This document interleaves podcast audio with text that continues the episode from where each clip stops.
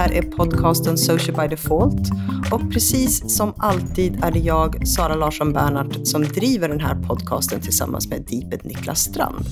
Om du vill kommentera avsnittet eller har idéer för framtida avsnitt, twittra med hashtaggen Social by Default eller prata med oss på vår Facebook-sida. Hej Sara! Hej Niklas! Välkommen hem! Tack!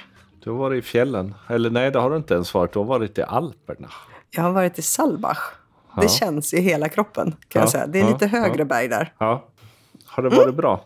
Det har varit bra. Mm. Det, men det räcker med en vecka. Och soligt väder och mycket luft och mycket skidåkning och tidiga kvällar. Man är gammal nu så nu man går man och lägger sig liksom någon gång efter klockan nio och före klockan tio. Ja. Ingen afterski hela natten alltså. Nej, det var då. Ja. Det var förr. Jag förstår. Eh, du, vi, eh, det är söndag kväll. Du kom hem igår. Eh, för, förra veckan blir ju då, det f- spelade vi in ett avsnitt eh, av podden. Ja, precis. Då hade vi Bergs. Eh, och då var vi i Stockholm. Och äntligen så fick vi möjlighet att träffa Jesper Åström. Och vi knallade över till Kungsholmen eh, och deras kontor i Blötan eh, och spelade in ett eh, avsnitt. Vi har ju lyssnat på det och det, det är ju lite sådär, man vill verkligen få ut det för det är ju så otroligt spännande. Vad, vad liksom, tycker du var bland det mest spännande av den? Som, Nej, som jag- de som lyssnar kommer få höra då. Jag tycker ju det Jesper gör är så otroligt spännande. Han är ju en av Sveriges bästa taktiker och om det är någon som kan få saker att bli virala så är det Jesper. Det var ju därför vi ville träffa honom och prata om liksom, kan saker bli virala av sig självt nu för tiden eller måste man orkestrera det och planera? Och det är ju han en mästare på att göra. Han har ju givit oss lite tips och tricks och, utifrån hans erfarenhet i det här samtalet. Då. Och samtidigt också som han någonstans berättar liksom hur han själv känner att ibland så misslyckas ju han, därför det är inte helt enkelt. Och sen pratar vi ju om liksom ett antal virala saker som har hänt eh, och går igenom dem. Så, ja, men det, jag satt ju och redigerade och kände fan det här är så bra. Du har lyssnat eh, på betaklippningen och det, så det ska bli skitkul att höra vad ni som lyssnar faktiskt tycker om det. Och Ja, vad man lär sig och vad man tar med sig. Därför jag tror det finns en massa saker oavsett vad man jobbar med att ta med sig ur det här. Precis. Så den intervjun får ni lyssna på nu. Vi sitter alltså eh, i Stockholm på Sankt Eriksgatan 63B på byrån The Domain Was Taken tillsammans med Jesper Åström som vi äntligen har fått med oss här i podden. Kul att du är här, eller kul att vi får vara hos dig kanske. jag Ja, säga. jag är så... Jag, alltså det här det, det är stort. det är det. Alltså, det, är, det, det är liksom en podd man har lyssnat på som man får med. Så jag kommer ju säkert göra bort mig idag. Inte alls. Då klipper vi bort det. Oh yes! Postproduktionens Allt mästare. handlar om att den perfekta. Nej då. Men eh, kul att vara här. Kul att se dig sådär. Eh, var länge sedan. Ja. Ja. Om man skulle presentera dig så skulle jag nog säga att du tillhör Sveriges digitala dinosaurier och varit med liksom under hela digitaliseringsresan faktiskt. Men du är dessutom en av Sveriges bästa taktiker. ja det, Men det är om jag presenterar dig. Vad skulle du säga om du skulle presentera dig själv? Ehm, ja, eller jag tycker det är väldigt roligt med eh, hantverket internet eh, och leka med eh, olika typer av saker som och få människor att göra det som jag vill att de ska göra. Eh, och det har jag ju hållit på med väldigt, väldigt länge. Så eh, dinosaurie är väl någonting som man får leva med. Eh, Men eh, det finns, ju, det, finns ju, det finns ju de som liksom var innan dinosaurierna också. Så jag, vet inte riktigt, jag vet inte riktigt vad jag ska kalla mig själv. Digital taktiker är ju det jag går eh, runt och säger att jag är. Och sen så kallar mig, kallas jag en massa andra saker också. Som typ dum i huvudet. eh, ond eller god, eller beror på vad jag har hållit på med den senaste tiden. Men jag lever ju med mina känslor på, på utsidan av kroppen. Eh, vilket gör att jag ibland eh, reagerar eh, i affekt på internet.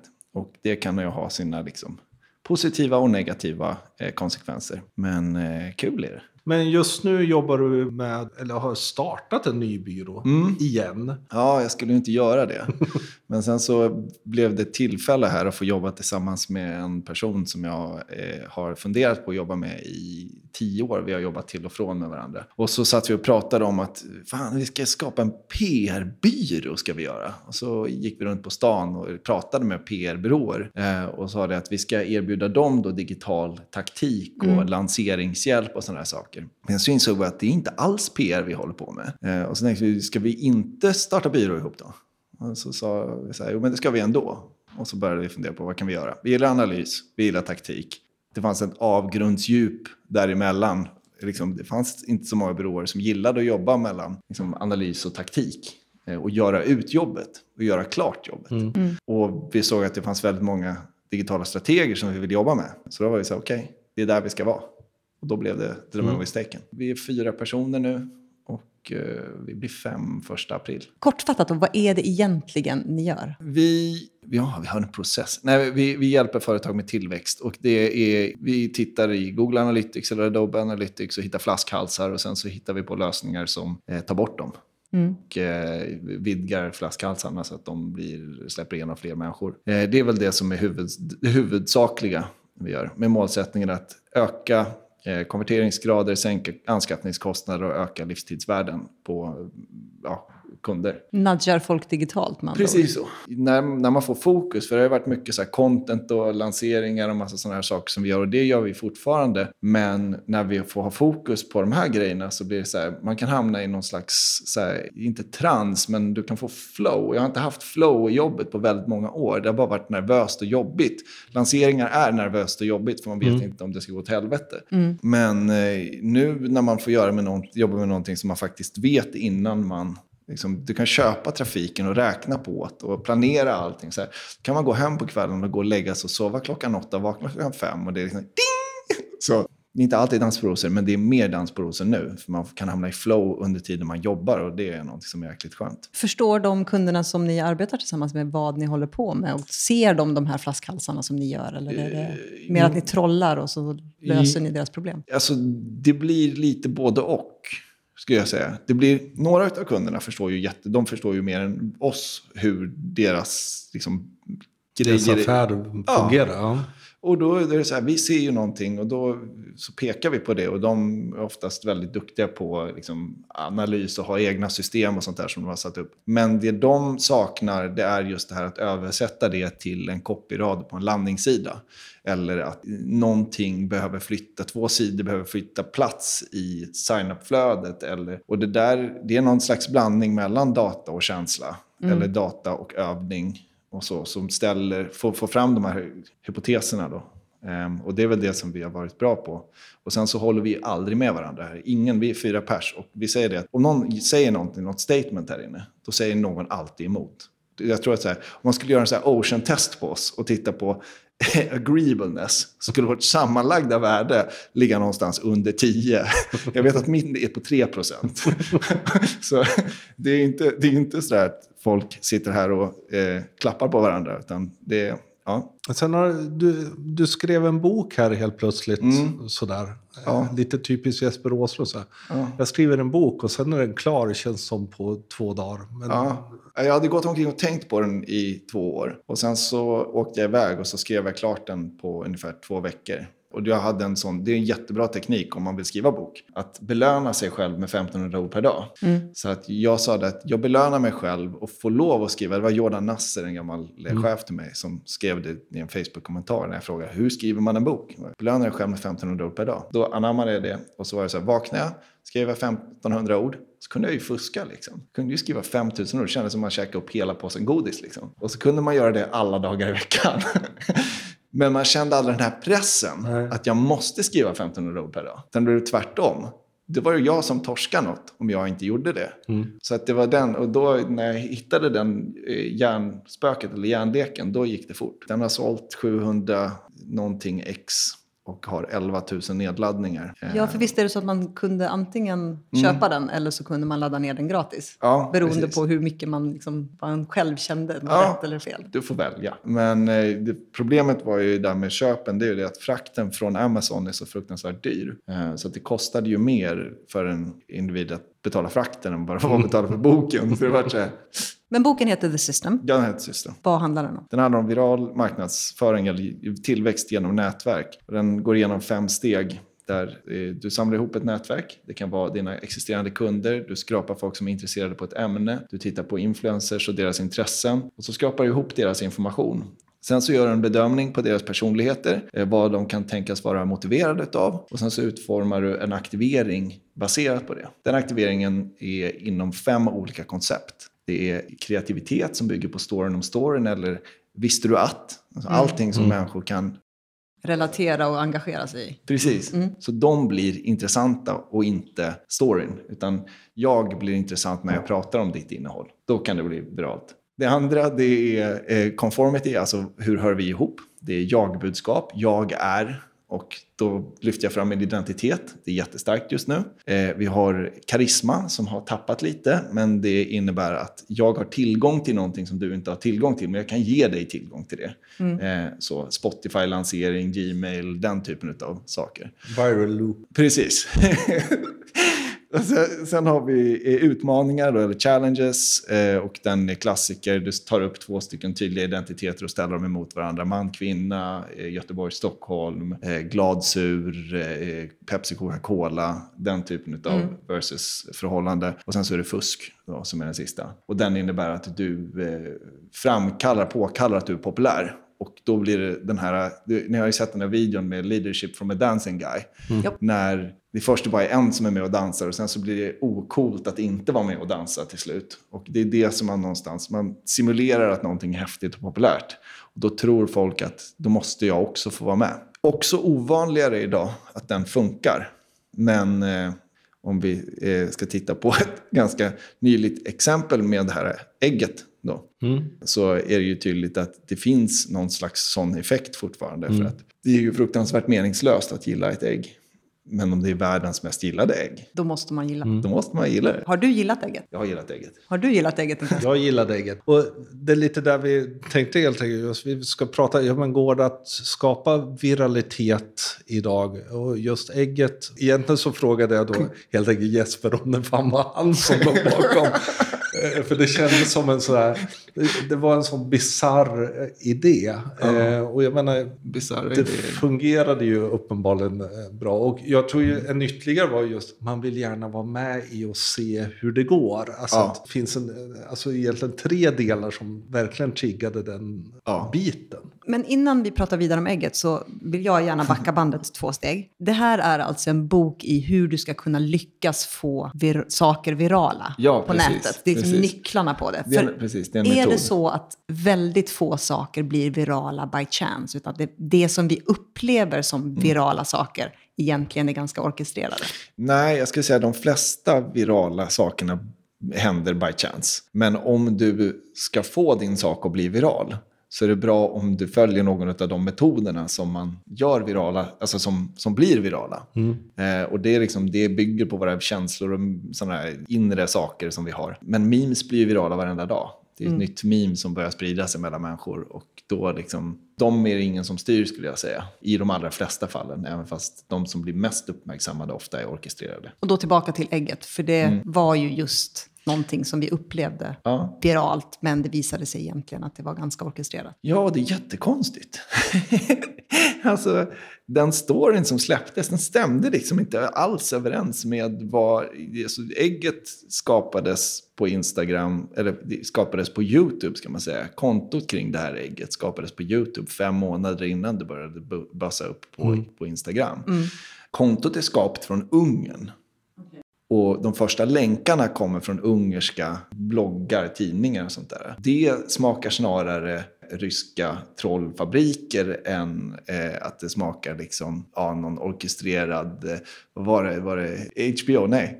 Vilka var det? Hulu? Hulu? Hu- Hulu, Ja. att det skulle handla om mental eh, Psykisk health. ohälsa. Ja, jag bara, så jag bara, det är jätteunderligt var det Mm. när, när, när du skickade. För du, Niklas, var ju den som både påkallade min uppmärksamhet kring det här ägget. Ja. Jag hade ju ingen aning om att det fanns innan du skickade det till mig. Är det här du, ägget? Jag bara, nej, vad har jag gjort nu?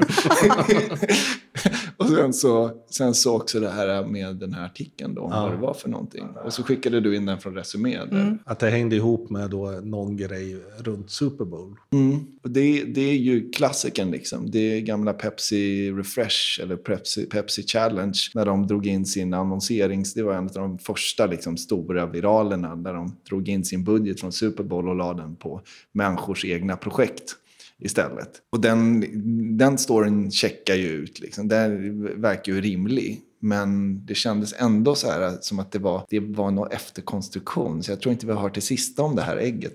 Det kanske är meningen också. För jag menar någonstans, den officiella är ju att det då är Hulus eh, reklambyrå i England som Mm. no, någon kre- kreatör har skapat det. Och det har väl varit min hela känsla att det är ju någon som åtminstone Mm. har nått, något hum om hur det här fungerar. Mm, absolut. Att det måste vara sådär konstigt för att det faktiskt ska Mm. gå. Och ett ägg är konstigt. Sen börjar de säga, ja, jag ville ha något mjukt och runt som inte var kantigt. Det känns ju lite sådär. Mm. Ja. Ett ägg, det är fullkomligt vansinnigt att det skulle bli världens största på Instagram. Det är ju, eh, så på så sätt så har jag, jag i alla fall utgått från att det är åtminstone någon som vet vad de håller på med. För det var, det var ju också en av mina första tankar då, att man skapar ett konto på Instagram innan vi visste om det här med att det har legat en film på YouTube i fem månader. Hur får man då igång den här spridningen? För jag menar, vem som helst kan ju starta ett konto på Instagram, men man får inte 53 miljoner likes på en bild där, utan man måste ju någonstans plantera den på ett sätt som gör att den dyker upp i flera flöden. Hur tror du, med din erfarenhet, vad tror du egentligen hände? Om du får gissa ja, eller jag, skulle, ana. alltså, jag skulle säga, de, de går in och så spammar de upp med Insta-followers. Så man köper kanske så här, ja, men 30-40 000 Insta-followers eh, och kanske 100 000 likes på den här bilden. Och det kan man göra för kanske ja, men ett par hundra dollar. Eh, och sen så när man har gjort det, då drar man ut eh, till några personer som typ har tillgång till publicering på Forbes eller på, ja, som har tillgång att publicera artiklar. Nu är Lite trojanska gång, hästar. Ord. begå- Precis. Eh, och det där, är ju liksom, det där är en helt annan industri i USA än vad det är i Sverige. I Sverige är det svårt att betala en journalist för att de ska publicera ett innehåll. Men i och med att ersättningsmodellerna för journalister i USA har förändrats så mycket, så mycket och så många jobbar som frilansare eh, så är det så här att du kan ju, det finns ju regelrätta prislistor på personer som har tillgång till att publicera på jättestora liksom, tidningar. Så du kan betala dem och så publicerar de din artikel om den är liksom on topic tag. Alltså du vet, Det ska vara något som också är intressant, liksom, som kan gå som artikel. Ja, precis. Mm. Och, och, och då får du ju ut ditt ägg. Titta, det är världens mest likade ägg. Utmaningen är att det är världens mest likade ägg. Kommer de att lyckas? Du vet. Och, För jag tänker det du sa just med de här olika metoderna, man ställer två saker mot varandra. Ja. Hur mycket har Kylie Jenner ja. i det här att göra med tanke på att hon hade världens mest likade bild innan ägget kom? Mm. Det blir ju som en sån liksom, ytterligare effekt på toppen av det. Det hade ju ganska gott momentum innan hon gick ut och stekte ägget på marken. Liksom. Så jag tror bara det att hon snarare tjänar på det. Så hon, och det är ju hennes hela liksom, grej. Hon är exceptionell. Det är ju få som har lyckats med samma liksom, fingertoppkänsla hitta alla de här vågorna som går framåt och ställa sig på toppen och surfa på den vågen. Så att hon lyckas plocka upp det här, det ser jag inte som någon konstighet. Liksom. För lite grann nu när vi pratar om det, Mm. så det slår mig precis. Kommer ni ihåg den kampanjen som Bergs elever gjorde för flera år sedan som hette Don't tell Ashton? Som också var en sån här viral grej. Skulle, han skulle inte få dela för då skulle den här tavlan fyllas på något sätt. Okej, jag, jag, kommer, jag kommer ihåg Don't tell Ashton. Men jag har liksom inga visuella intryck eller så här minnesbilder av det. Men det var, ju, det, var, det var ju en tid när det fortfarande samtidigt fanns någon sorts organisk möjlighet att gö, göra en sån sak. Det var ju precis när han hade gått över en miljon följare på Twitter, så det var ganska många år sedan. Men, men det är ju det lite som, som är uppförsbacken idag. Att jag menar, skulle man kunna göra det här rent organiskt? Nej. Alltså om du, inte, om du, om du tänker bara bubblade medier, alltså eh, Facebook, Insta, Twitter, okej om du lyckas där, det funkar fortfarande. Men eh, annars är det, det är bara LinkedIn kvar som har någon slags or, organiskt drag. Men jag, hade, jag körde en sak här i våras i maj, eh, hade 801 delningar på en dag från YouTube till Facebook på en video. I vanliga fall så betyder det i runda slängar ja, men kanske uppåt en miljon views för att du liksom får sekundäreffekter. Mm. Och först, så här, fick 800 views. jag var så här, fuck. Jag var så här, det här var ju fail. Tidigare under året så lyckades jag engagera så jag tror jag 100, 115 personer i en, en Facebookgrupp. Och det brukade också leda till att man du vet, kunde engagera kanske 10 000. Men det bara... Äh. Så jag var, jag var i kris i maj. Alltså jag mådde ju fysiskt och psykiskt dåligt. Ni skulle sett mig i Almedalen. Jag stod bara som en zombie i Almedalen och tittade ut i luften och var så här, jag är värdelös. Jag är sämst på det här. Men då kommer ju de här liksom, ja, men just att de, de, de, liksom insikten att plattformarna, det är, jag satt och crunchade alltså, siffrorna på, det, har inte, det är inte utifrån den här som det har minskat. Utan det är tillbaka-effekten som kommer till alla dina videoassets, dina poster, mm. dina blogginlägg. Dina, så skriver du ett ordentligt bra, snyggt länkbete, du får ju inga länkar idag. Mm. Alltså de som, har, de som rankar i Google, liksom, du måste jobba hårt för att få dina länkar. Det är ju mm. ingen som länkar automatiskt. Nej. Bloggrollsgrejen finns ju inte alls. Liksom, att du kan bli kompis med någon, så lägger man till Vi är kompisar, man till i varandras bloggrulle. Liksom. Finns inte heller. Så att allt sånt där liksom organiskt har, har bytts ut mot väldigt mera, mycket, mycket mer cyniskt inne på plattformarna i och med att det är så avslutet. Däremot kommer ut i en journalist, liksom en journalist som skriver en tidning eller kommer med i tv eller radio eller något sånt där, då kan det smälla. Ändå. Så vi ska, alltså, vi ska förlita oss på att gammelmedia plockar upp det för att få en viral spridning idag? Yes. Eller influencers. Yes, precis så. Det är, det är det enda, alltså breda medier. Det känns ju lite deppigt. Ja, det, är också, alltså det blir ju lite enklare då också, för de är så få. Alltså, så att då, då är det så här, aha, då behöver jag inte tänka på att det här budskapet ska gå igenom en miljon användare. Utan då behöver jag bara en riktigt stor användare som säger att det här är tillräckligt bra. Mm. Eh, och det är mycket enklare att liksom komma på hur den personen funkar och vad den värderar i sitt liv och sådana här saker. Än att komma på hur alla andra människor eh, ser på någonting. Det är ju enklare på sätt och vis att få ut någonting i breda medier än vad det är att få ut någonting i... Nanomedier. Ja. Ägget en mm. av de virala händelser mm. som är. En, en ganska klassisk ändå viral spridning som dök upp här bara för några var ju 10 year challenge. Mm. Som, som liksom verkligen var riktigt klassiskt. Det var nästan som man blev lite nostalgisk mm. över. Liksom, så mm. Bara en grej, en hashtag. Det handlar väldigt mycket om vår, vår eget användande och det fanns egentligen ingen hubb någonstans som man kunde hitta. Utan det var bara en mm. klassisk, jag vill berätta om, kolla vad ful jag var för tio år sedan. Eller kommer ju av dina principer in, det här ego-jaget. Mm. mm. Jo, men det är ju det. det och jag, alltså jag, jag blev också var ju så, så smittsam och man fick dela den där snyggaste bilden tänkte jag från tio år sedan när man fortfarande kände sig så här het. så det var ju så här, yes! Äntligen! Den där bilden, jag har delat den lite för många gånger men nu får jag chansen en gång till. Så att, eh, det, det, var väl det. Och, ja, jag tyckte också det var, det var ju både ett jagbudskap och en utmaning. För mm. att det, blev, det lever någonstans i undercurrent i den här liksom, träningsvärlden på Instagram och inom mm. så här, calisthenics-grejerna. De har ju utmaningar varenda vecka liksom, med någonting nytt som de ska göra. Mot, alltså, någon stor så här, träningsgalning gör någonting och så, så säger de så här challenge, challenge accepted. Och så gör de det där mot varandra. Är det lite som ALS Ice Bucket Challenge mm. i samma mentalitet? Att de utmanar någon som i sin tur svarar på det och utmanar någon annan. Så yes. det blir den här liksom... Yes. Och sen så de som är stora utmanar alla sina följare att göra det. Och då så gör alla följarna det. Och så sprider det sig ännu mer. Man ser några som har vuxit ordentligt. Det var Sara Öhman som fick mig eh, att börja följa de här två eh, calisthenics-personerna. Malin och Daniel. Och de har ju vuxit och blivit otroligt stora nu. Två svenskar som liksom har breakat och den, alltså mm. ligger upp och konkurrerar på de här, liksom, med de riktigt, riktigt stora träningskontona i världen. Liksom. Mm. Så, eller ja, de har den kurvan så att i alla fall Malin kommer ju nå dit väldigt snart och Daniel kort därefter. Liksom. Men om man tänker Tenny Challenge så var, var det ju mm. som vanligt, precis som med ägget, så mm. ha, blir det mycket piggybacking, eh, mm. både från företag. Och det kan man ju fundera på vad, vad det egentligen ger idag.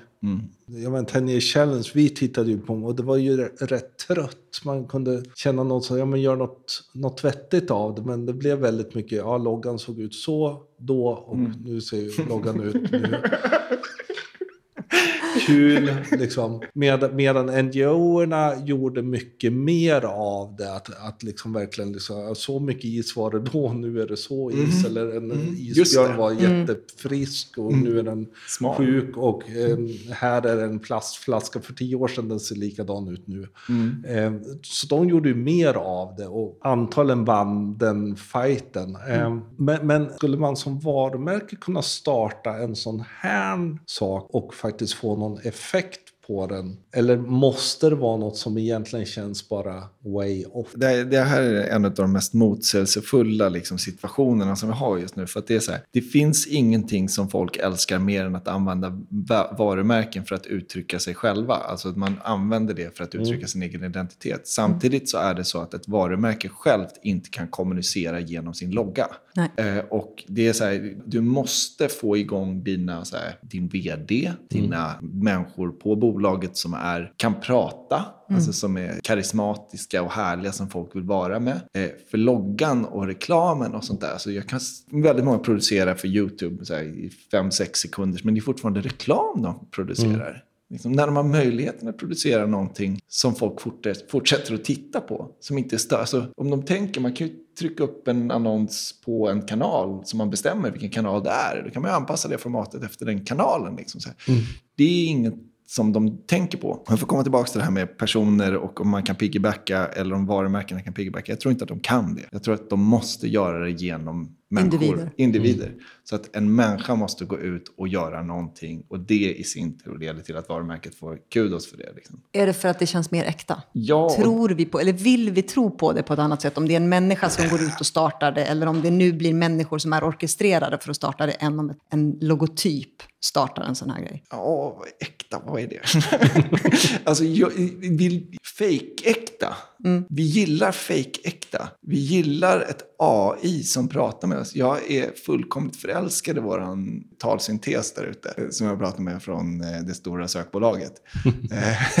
Och, eh, men det är på låtsas. Men jag tar, jag tar ju rekommendationer från den hela tiden. Eh, vad ska jag göra, vad ska jag gå, vad ska jag heta och sådär. Och det är ju på låtsas. Det är ju inte på riktigt. Nej. Fast det är ju på riktigt. Och sen så följer folk fake Isabella Löwengrip som bor i New York. Ett avatarkonto som inte liksom finns. Men det följer man och det är ju äkta. Fast det är fake. Och det blir så här, vi rör oss till de här låtsasidentiteterna och börjar bli, börjar bli ganska så bekväma med att leva på låtsas.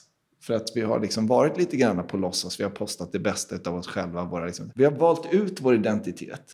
Men varumärkena har missuppfattat det där någonstans. Och så, så har de liksom inte valt... Det har varit för nervöst. Eller jag vet inte, för deras identitet funkar inte längre när de själva använder den. Men om någon annan som är cool tar deras identitet, typ liksom, kan plocka upp ett dassigt varumärke och säga så här, nu är det här coolt. Då är det coolt. Men varumärket själva kan inte säga, vi är coola. Eh, Det måste vara någon män, alltså jag vet inte, jag har inte fått ihop det här ännu, men det, det finns någonting som är liksom, någonting kring att identitet, fake, inte fake, varumärkena lyckas inte riktigt där. Om man gör det genom människor, Elon, Steve, liksom, Kylie, eh, Felix, eh, liksom, du vet, alla de här. Då, är det, då funkar det. Men Men det är, ganska det är ganska intressant när du säger det, för att vi har ju sett två stycken, samma kille i och för sig, nu kommer jag inte ihåg hans namn, som dels tog sig själv hela vägen till Paris Fashion Week med ett fake varumärke som man hittade, liksom ett jeansvarumärke som man hittade någonstans som han då skapade. Samma kille gjorde ju den här restaurangen på bakgården. Ja. Och där dras vi ju med i den här lögnen. Men frågan är hur känner vi sen? När vi inser att men det här var ju bara någonting som var total fake. mm, det är ju... Men samtidigt är ju det också en upplevelse. Mm. Och jag menar, det är väl någonstans där att man, man var ju med om det där. Och det blev, även när vi kom på, det, för med restaurangen var det ju snarare så att folk kom på att det var fake och fortsatte ge, skrev fantastiska recensioner på Tripadvisor om den efter det. Bara för att det var så jävla roligt att Mm. att fortsätta storyn. Man blev då medskapare av den här Mm. fejkade storyn som lite som med ägget någonstans. Det är klart att man gillar ägget för att se, går det här? Det här Kommer det här funka? Men blir det mindre kul när vi får ett eventuellt svar då? Att det faktiskt låg en tanke bakom. Blir den här sensationen av den totalt fåniga, intetsägande bilden som då blev mest likad. När vi nu vet att det kanske var så att det var väldigt orkestrerat och att det faktiskt var en stealth-kampanj där det kom ett svar. Blir det, tappas myten eller mystiken? Jag vet ju inte hur... Nu har jag inte sett vad det blir för reaktioner på just den biten. Men jag själv blir ju besviken. Liksom. Eller hur? Lite grann. Ja. Det, för någonstans i det som... Det här att man bara prövar. Det var ju så som internet var de första åren. Oskuldsfullt och vi delar, vi prövar. Det här gör jag, vad gör du? Jag gör det här. Vad gör du? Jag gör det här. Det är ju fint liksom. Det är så som internet borde vara. Och då vill man inte ha det där fula. att, någon har, att någon har gjort det här. Nej! Nej, men och det är väl li- lika lite som när du berättar, ja, så här gör man. Liksom. Folk bara, nej, vad är det inte på riktigt? Liksom, är det inte, är inte varje view på eh, liksom ett Mm, vad som helst. epic split liksom. Vad är det inte riktigt folk som har sett dem? Det här blir ju då, när då det orkestrerade ändå faktiskt fungerar som viral, är ju den, den tredje grejen som vi har sett de senaste veckorna, är ju faktiskt Börje King som får åtminstone en av de riktigt stora influenserna att eh, reagera och samtidigt applådera och göra en film som i sig då blev den stora reklamlanseringen för eh, Burger Kings retro fries. Eh, Casey Neistat som gjorde då en film som i sig blev liksom Viral. Ja, viral och liksom verkligen hjälpte då den här mm, idén från Burger King. Och det finns ju inget så att säga, ju vara- organiskt i det, utan det är, ju, det är ju egentligen orkestrerat. Det är klart att Burger King... De måste ju ha scenarioplanerat för att han skulle göra något liknande. ja. Eller att någon av de här stora influenserna som de gick tillbaka flera år och började lajka deras tweets skulle plocka upp det. På, nu om jag har fått två hattar och så sätter jag på den cyniska hatten först så är det hela det där orkestrerat. Yes. Så Casey was in on it och allt det där är bara planerat in i minsta detalj för att det var så snyggt gjort. Eller så var det så att det bara blev så här. Och då, det sättet som det makes sense på skulle vara ifall Casey upplever att hans varumärke stärks utav att han tar någonting där han egentligen blev made a fool av. Och så vänder han det till att han egentligen är en skön kille. Som vet, ja men jag kan minsann tycka att det här är lite kul. Haha! Så, men annars så, så känns det liksom så här, hmm, det är så många sådana lanseringar där det också har varit liksom stora välkända namn som har lovat dyrt och heligt. Sen så, ja, nu senast då med så här, två stycken stora YouTubers som har gjort reklam för sådana här mystery boxes. Och eh, de låtsas som att de inte är sponsrade och sen så kommer det fram att de är jättesponsrade och att de har suttit och öppnat fake mystery boxes och medvetet gjort det och fått så här Rolex-klocka och Ferrari. Bara, Ooh! Vad händer med deras egna varumärken då? Alltså de är ju hatade redan som det är.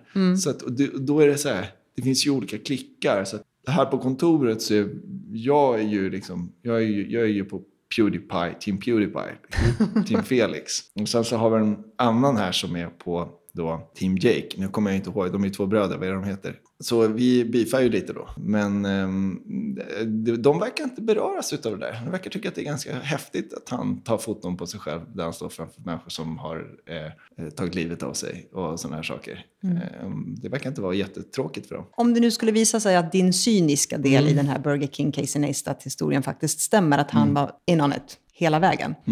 Vad skulle det göra med hans varumärke? I det fallet så skulle det nog ta en törn alltså. Det skulle ta en rejäl turn, tror jag. Och, och där tror jag han är så pass liksom, medveten om det och behöver kanske inte den, så att säga, det, den, det jobbet. Alltså det är ju klart, alla är, har ju ett pris.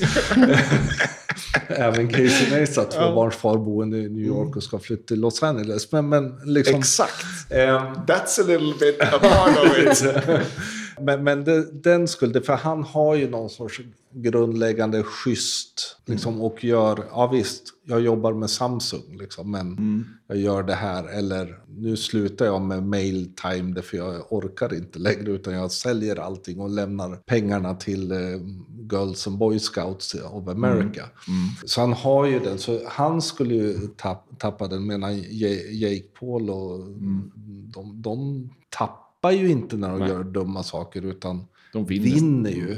Jag försökte coina någon slags saying kring det där. Så här, det är bättre att vara en välkänd lögnare än att bli påkommen i en lögn en gång. Alltså det är det. Alltså, Våra förväntningar inför en person är så viktiga. Så att om du är Trump och ljuger konstant så är det bättre än att bli påkommen med en liten, liten lögn. För hur folk kommer reagera om någon kommer kasta det i papperskorgen. Lite så här Star Wars-grejer. Eh. Man förväntar sig att Darth Vader ska göra dumma grejer och därför så känns det bra. Luke Skywalker, om han skulle göra något dumt, då ska man bli sjukt besviken. Ja, och, och, och där tror jag är någonstans lite problemet för en del av YouTubers att de har byggt en bra, bra bild. Och vart kommer de därifrån? Pewdiepie är ganska intressant. Jag är ju också då. Eh, sådär. Jag kan tycka att det är intressant att se hur han or ändå orkestrerar T-series-kampen. Och jag vet att du även tittar idogt på den. Hur det har antagligen gett honom det där nya vågen att surfa på. När han kanske började bli lite ointressant och För de som lyssnar då, som inte riktigt är lika nördiga i den här delen, kan någon av er bara ge en snabb recap vad vi pratar om? I många år så har Pewdiepie, eller om det är många år, det känns som många år, har Pewdiepie varit världens största YouTuber. Han har mest följare i hela världen. Han har inte mest visningar, men han har mest följare i hela världen. För ungefär ja, ett par månader sedan så dök T-Series upp som är ett indiskt konto som laddar upp en sjuhelsikes massa indiska låtar och filmer och Bollywood eh, gamla grejer. Så här, eh, och började knappra in på, var den första liksom, som har börjat knappra in. Och eh, helt plötsligt så blev det liksom spänning i det här. Ska de ta över? Och hela YouTube-communityt bara nej! För det var liksom ett stort varumärke, en stor T-series, någon så här, ja, men typ Ja, det är mo- gigantiskt. Universal Ja, ja, fast i Indien. Och alla bara nej, så till och med så här gamla bittra fienden börjar bara så här backa Pewdiepie, så här, likea Pewdiepies sida så att han går och vinner den här. Och det var nära här, två dagar sedan. Då var det inom så här 40-50 tusen eh, personer och det här är 80 miljoners konton liksom. Och nu ser det upp i 130-140 tusen igen. Skillnad Men det är mellan- fortfarande väldigt liten. Ja, det är några timmar och sen så är det kört, liksom. Gent- Gentemot vad det brukar vara. Och, och jag menar, han har ju insåg ju att det här kan ju jag Mm. tjäna på. Även om man kanske också vill vara den största så är det ju Mm. generellt att se att ja, men den här kampen är ju money Ja. för mig. Och då kommer ju den cyniska delen på mig in. Ja. Vad är det som Gud vad säger ni att två är cyniska. han... Jag bara älskar Men vad det här. är det som säger att det är äkta prenumeranter? Ja, det är ju, det, det kan man fråga sig. För, för, framförallt vad gäller båda kontona, men framförallt vad gäller T-series, för de har ju inte många views per film. Alltså. Nej. 80 miljoner följare, de har typ mest views i hela världen någonsin. Men de, per film så har de inte så mycket, så, så mycket views då. Men Pewdiepie utnyttjar det här när han släpper sin låt Bitch Lasagna, som är liksom en hiphop-diss mot T-series. Och den har över 100 miljoner views nu. Den hiphop-dissen, så det är en av hans mest sedda videos någonsin. Så det blir så här, här är ett sånt tillfälle att om det hade varit orkestrerat det här, att T-series liksom egentligen inte finns på YouTube. Då hade man ju älskat det. För att det görs av folk som har jobbat på plattformen i flera år. Det är liksom inom citationstecken vanliga användare som gör det. Då är det okej, någonstans. Äh, det är double standard så in i helskotta. Men man kan ju tycka att någonting är bra bara för att det är så fruktansvärt snyggt gjort. Jag kan säga en sak. Det finns ett svenskt företag som har, jag tänker inte nämna vilka de är. Jag ska inte få någon gratisklam. Men de håller på nu att skapa en fjärde kategori. Eller de är inne på en fjärde kategori utav en sjätte kategori då. Eh, men fjärde sån här bucket med sätt att skriva på. Som är på väg att bli väldigt virala. Så man ser, de är både virala och konverterande. De bygger på någon slags ansats kring ödmjukhet. Um, man kan sno det lite grann från uh, de som är duktiga på att skriva LinkedIn-poster. Det så här humble brags någonstans. Men avsluten här är inte lika hårda som de har varit tidigare. Så tidigare har man varit tvungen att vara så här, gör det här och få. Gör lite mer och du får kanske lite mer. Liksom, ranka på den här topplistan om det vet för att få igång Mm. den här mekaniken. Men nu så är det lite mer det som faktiskt börjar sprida sig. Det är sånt när man smyger dem där så man nästan gömmer delningsknapparna och konverteringsknappen så folk känner att de känns lite speciella. Jag har fått det här inlägget och det är intimt skrivet och det finns någon slags shit där mellan dig och läsaren. Och sen börjar delningarna att spruta in. Liksom. Och när man ser det här hantverket som ligger bakom det här då blir man, alltså det är e-post, det är bloggposter, det är du vet, så här, gammal klassisk teknik. Men det är copyn som gör skillnaden. Alltså det är så vackert gjort. Så man bara så här, kommer in på morgonen och säger "Åh, jag har fått ett nytt mejl i deras mejlkedja. Vad kan jag göra för att trigga nästa mejl när den ska kartläggas? Så, och det, det, där tror jag att eh, också om man tänker på, så här, på stan och vilka som kommer ha jobbet kvar de kommande, kommande åren. Där tror jag att liksom, riktigt duktiga copywriters har en ljus framtid med tanke på att det här är så väldigt copysdrivet. Mm. Pendeln har börjat svänga. För vi har ju sett, jag menar, vi är ju i Stockholm nu eftersom vi har kurs på Bergs. Och vi har ju pratat väldigt mycket om hur stor plats bilden har tagit. Att Från början var det ju texten som var det stora och bilden som var liksom ett attribut. Sen svängde det om ganska mycket. Så att bilden var det som drog och engagerade och texten var liksom ett attribut till bilden. Är vi på väg tillbaka nu då när det, det skrivna kommer bli det viktiga igen? Det är ju jätteintressant spaning. Jag har inte tänkt på det på det sättet. Men det är ju, alltså om vi tänker på vilka trygga kanaler som får en renässans nu så är ju e-post det allra liksom viktigaste verktyget som vi har eftersom vi äger det eh, själva. Hela den kanalen och sådana taktiska problem som så här, leveranssäkerhet har kommit tillbaka på agendan. Är du whitelistad? Det kommer vara en så produkt som man kommer kunna köpa från de taktiska byråerna på stan. Så här. Whitelistning av dina e-postheaders. Vi testar nu ett videoredigeringsverktyg. Ja. Där texten är det centrala. Du börjar med text, du börjar med manus och sen lägger du till det rörliga. Att det någonstans Oj. för ett tag sedan var tvärtom. Ja, men det är bara att titta på AJ Plus eller vad de heter vad är det, i nyhetsfilmerna. Som, det är ju verkligen så här, det är, texten cuear nästa bild. Jag var inne på en svensk kreatör som släpper sina filmer och ljudbilden kommer innan bildbilden. Jag vet inte om det är korrekt uttryckt, men sättet som han klipper på är precis sådär. Så att liksom, ljudet kommer innan bilden så att det in, så den mentala bilden jag får, det är att känslan kommer innan bilden. Att det laggar. Nej men alltså du, det, du känner att någonting ska komma så får du rätt. Och den, jag har, i, de, i de flesta fall så kommer ljudet lite grann efter i klippet. Du vet. Men här så har han lagt det så att det kommer liksom innan bilden kommer på. Så att kroppen känner vad som kommer. Men synen ser det först efteråt. Och precis som du säger med texten där så har väl det funkat lite grann sa, samma sak. Så känslorna blir så mycket starkare när jag vet. Och så kommer en bekräftelse på det jag redan vet. Då triggas jag liksom till att känna att oh, det här är jag engagerad i. Så här, oh, det här förstår jag. Så här. Vi var vana vid tv då, som motsäger, alltså tv där textningen kommer lite efter någon har pratat. Det blir så, ja men det, blir, det, det här blir något annorlunda. Så då kan jag tänka att det är samma liksom, mekanik som driver det sköna man känner i sig själv när man eh, tittar på den där typen av film. Vad kommer vi se framöver i, i det här liksom i vi- virala delar?